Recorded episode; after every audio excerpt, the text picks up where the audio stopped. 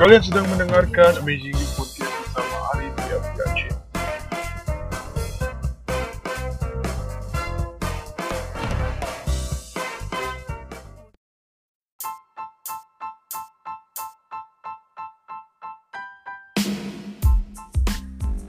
Oke, halo teman-teman, sahabat-sahabat semuanya, pendengar-pendengar setia semuanya dari podcast Amazing You. Perkenalkan, nama saya Aritri Apriansyah. Dan pada podcast uh, pertama kali ini, saya akan membahas uh, topik yang ramai dibicarakan akhir-akhir ini, yaitu mengenai orang jahat adalah orang baik yang disakiti. Hmm, apakah itu benar? Nah, kita akan uh, tuntas itu secara garis besarnya dalam beberapa waktu ke depan dengan menggunakan perspektif dari psikologi itu sendiri. Oke, uh, kita tahu bahwa meme tersebut itu uh, populer saat rilisnya film yang sangat fenomenal dari Warner Bros uh, Studio yaitu film Joker. Nah, kita tahu bahwa karakter Joker ini dia itu menjadi jahat karena ada beberapa faktor gitu ya. Mungkin salah satu faktor pertamanya adalah faktor lingkungan dan lain sebagainya. Nah, oke sebelum uh, lebih jauh mengenai bahasan itu, kita akan memulai uh, apa namanya membahas dari definisi kejahatan itu sendiri. Nah, ketika berbicara tentang kejahatan, sebenarnya banyak hal yang dapat diulas. Paling tidak dimulai dengan definisi kejahatan itu sendiri. Nah, kejahatan sering diartikan sebagai perilaku pelanggaran aturan hukum, akibatnya seseorang dapat dijerat hukuman. Ya, kejahatan itu suatu perilaku menyimpang dari hukum yang berakibat seseorang itu bisa dihukum akibat uh, kelakuannya itu tersebut. Nah, kejahatan terjadi ketika seseorang melanggar hukum, baik secara langsung maupun tidak langsung, atau bentuk kelainan yang dapat berakibat pada hukuman. Jadi, secara garis besarnya, kejahatan adalah suatu tindakan yang melanggar hukum yang memungkinkan seseorang dapat mendapat hukuman tertentu sesuai norma dan juga hukum yang berlaku di masyarakat itu sendiri. Nah, hukuman itu kan bisa bisa ada hukuman personal, ada hukuman sosial dan lain sebagainya. Nah, kemudian ada bentuk-bentuk kejahatan.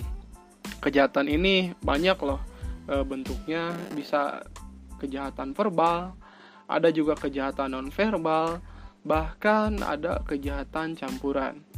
Nah, Kejahatan verbal adalah bentuk kejahatan yang disampaikan secara lisan.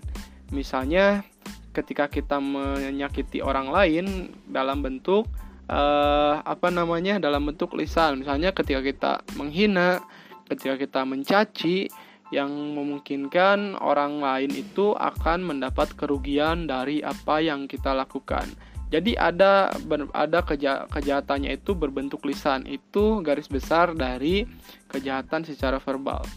Kemudian kejahatan secara nonverbal. Kejahatan secara nonverbal ini kejahatan dari non lisan.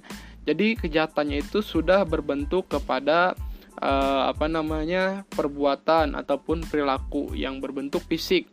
Misalnya ketika kita meninju orang, ketika kita memukul orang, menendang, dan lain sebagainya yang membuat orang itu kesakitan, membuat orang itu merasa dirugikan, membuat orang itu merasa tersakiti yang akibatnya eh, kita bisa terjerat dengan hukum itu sendiri.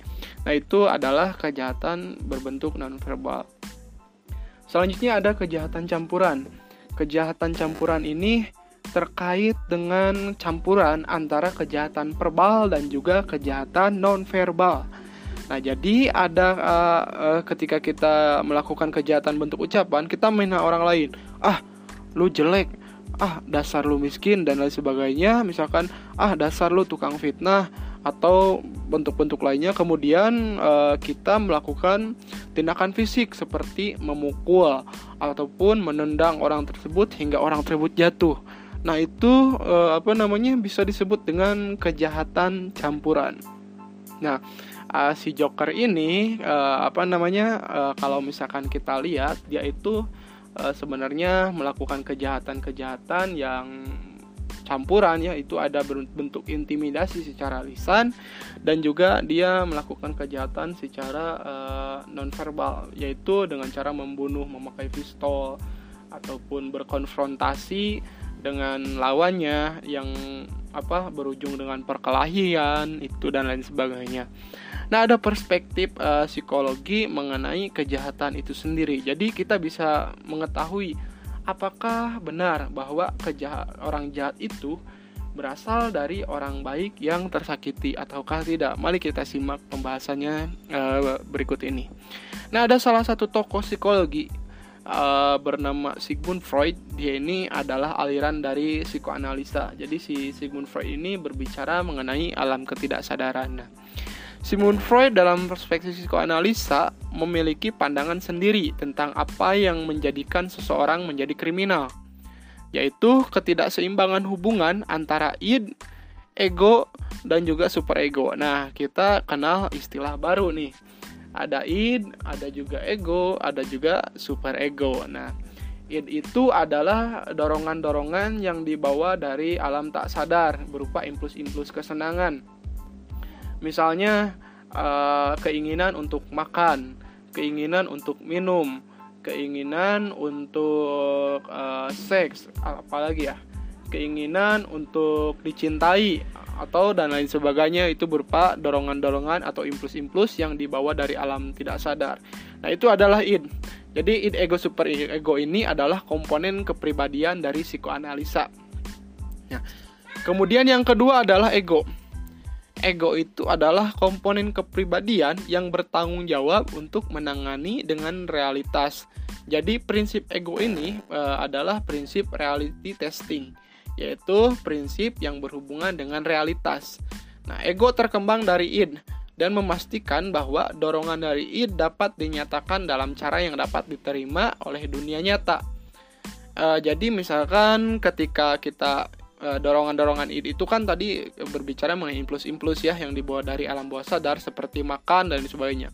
Misalkan e, kita konteksnya itu makan maka apa namanya ego ini harus uh, berbicara mengenai uh, realita atau jembatan antara id. Jadi uh, idealnya ketika kita ingin makan, maka uh, apa yang ditampilkan oleh ego itu kita ke meja makan, kita ambil makanan, uh, lalu kita makan. Akan tetapi jika itu tidak tidak terpenuhi bagaimana? Itu kan kita bisa membuat tindakan-tindakan uh, ilegal seperti mencuri ataupun melakukan tindakan-tindakan kriminal tadi untuk memuaskan impuls dorongan dari itu tadi sendiri seperti ingin makan.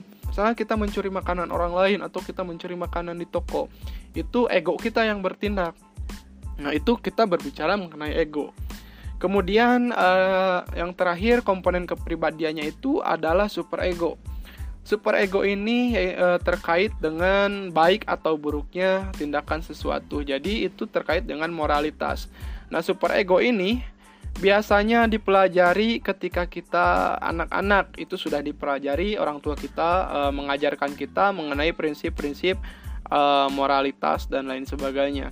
Nah, harusnya idealnya ketika id itu membawa dorongan berupa misalkan ingin makan, lalu ego itu berupa tindakan, ada fungsi dari superego terkait benar dan tidaknya terkait moralitas. Misalkan makanan itu baik maka uh, ego itu uh, membawa makanan tersebut kemudian makanan tersebut kita makan.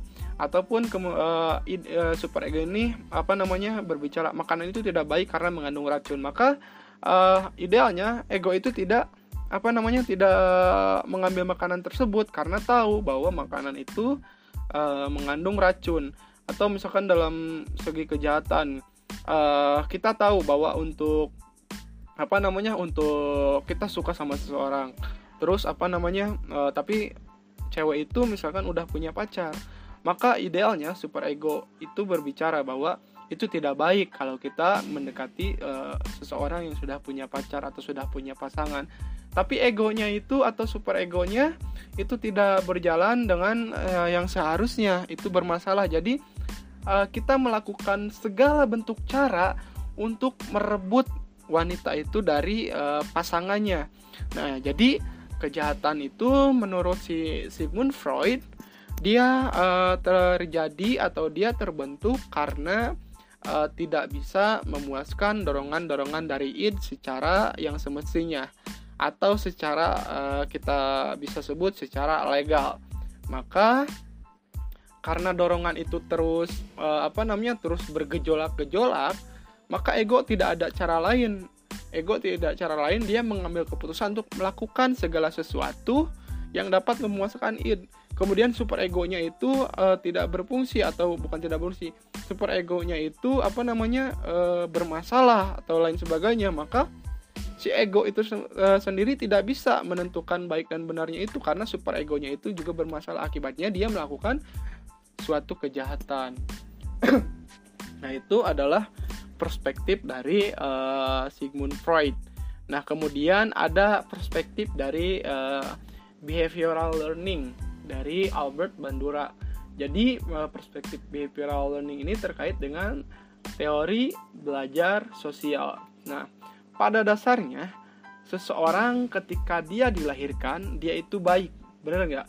Dia tidak tahu apa-apa, maka dia belajar kepada lingkungannya. Lingkungannya mengajari orang tersebut sehingga dia nantinya bisa jadi orang baik atau bisa jadi orang jahat itu tergantung apa yang dia pelajari dari lingkungannya.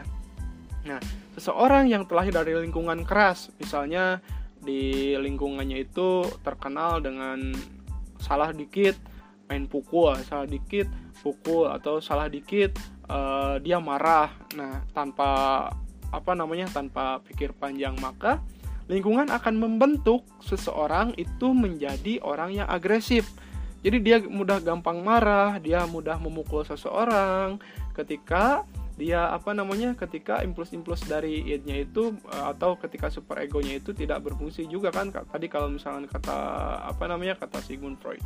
Nah, dia belajar dari lingkungan sosialnya sehingga membentuk kepribadiannya. Gitu. Jadi seseorang itu bisa baik, bisa juga jahat itu e, tergantung dari lingkungan, lingkungan yang membentuknya. Karena prinsipnya adalah manusia itu seperti kertas kosong, lalu lingkungan itu seperti e, gudangnya ilmu. Maka lingkungan itu dapat mengajari seseorang tersebut gitu. Jadi e, dia bisa membentuk karakternya. Nah, itu yang dapat uh, membuat seseorang menjadi uh, jahat atau seseorang membentuk kepribadiannya dari lingkungan. Nah, kalau misalnya kita korelasikan kepada uh, Joker, kita tahu bahwa uh, lingkungannya itu adalah lingkungan yang keras. Misalnya uh, terjadi banyak tindak kejahatan seperti premanisme, terus juga uh, korupsi, terus juga situasi dari kota Gothamnya itu juga chaos, maka dia mengadaptasi nilai-nilai yang ada di lingkungannya sehingga membentuk uh, karakter Joker itu sendiri. Akan tetapi kita tidak bisa membenarkan bahwa si Joker ini jahat karena dia dulunya baik lingkungannya membentuk seperti itu. Tapi jika kita lihat, kita analisis, Joker ini seperti memiliki uh, mental illness, gangguan mental, di mana jika kalian lihat ketika dia apa namanya sedih ataupun ketika dia senang atau dalam situasi apa pun, dia selalu tersenyum. Artinya dia tidak bisa mengekspresikan dirinya.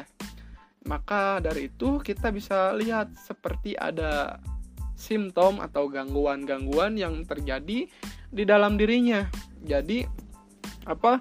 Dia tidak bisa mengendalikan dirinya sendiri uh, ketika dia marah pun dia tidak bisa mengekspresikannya. Terus ada juga faktor dari ibunya, ibunya membohongi dia, gitu kan? Dia sempat uh, mengecek, jadi ibunya mengatakan bahwa uh, orang yang menjadi pemimpin dari pemerintahan di kotanya tersebut itu adalah ayahnya. Tapi ketika si Joker mendatangi orang itu, orang itu berkata bahwa enggak kok. Uh, kamu bukan anak saya. Justru ibumu itu adalah orang yang selalu mengalami delusi Nah, kita bisa lihat lagi bahwa yang mempengaruhi Joker itu sendiri itu bisa ada dari ibunya dan juga dari dalam dirinya. Dia mempunyai gangguan psikologis. Dia juga mempunyai pengaruh dari lingkungan.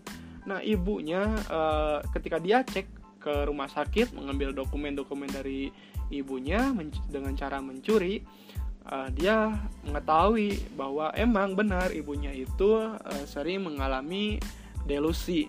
Nah, maka dia timbul dia timbul kekecewaan uh, yang berat di dalam dirinya sehingga dia menjadi depresi dan uh, depresi itu dia tidak bisa apa namanya tidak bisa membendung tidak bisa mengatasi dengan cara self care kepada dirinya sendiri. Sehingga dia membentuk uh, apa namanya membentuk suatu kepribadian baru bahwa hmm, aku harus menjadi joker nih aku harus membalas nih gitu. Atau dia juga mungkin karena membunuh juga dia suka uh, seperti yang kita lihat ketika dia mau membunuh itu ada timbul apa namanya ekspresi kayak seneng gitu kayak terpuaskan maka dari itu kita bisa tahu bahwa mungkin si Joker ini orangnya ini selain dia ensos selain juga dia mempunyai mental illness dia juga mempunyai sikap yang cenderung psikopat gitu.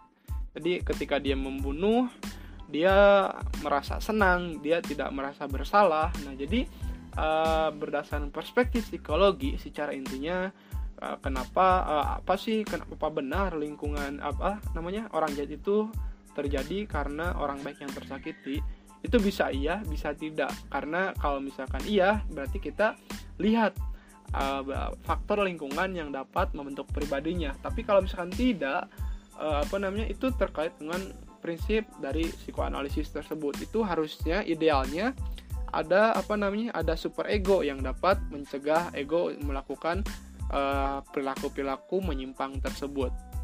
Nah, kemudian dari psikoanalisa juga uh, sendiri itu masuk ke dalam clinical psychology. Kita sudah bahas tadi, mungkin si Joker mengalami depresi atau mungkin menga me apa, mengalami mental illness atau mungkin terkait dengan gangguan-gangguan psikologi yang lain yang membuatnya dia seperti itu. Jadi komplikated ya dari sosok Joker itu sendiri.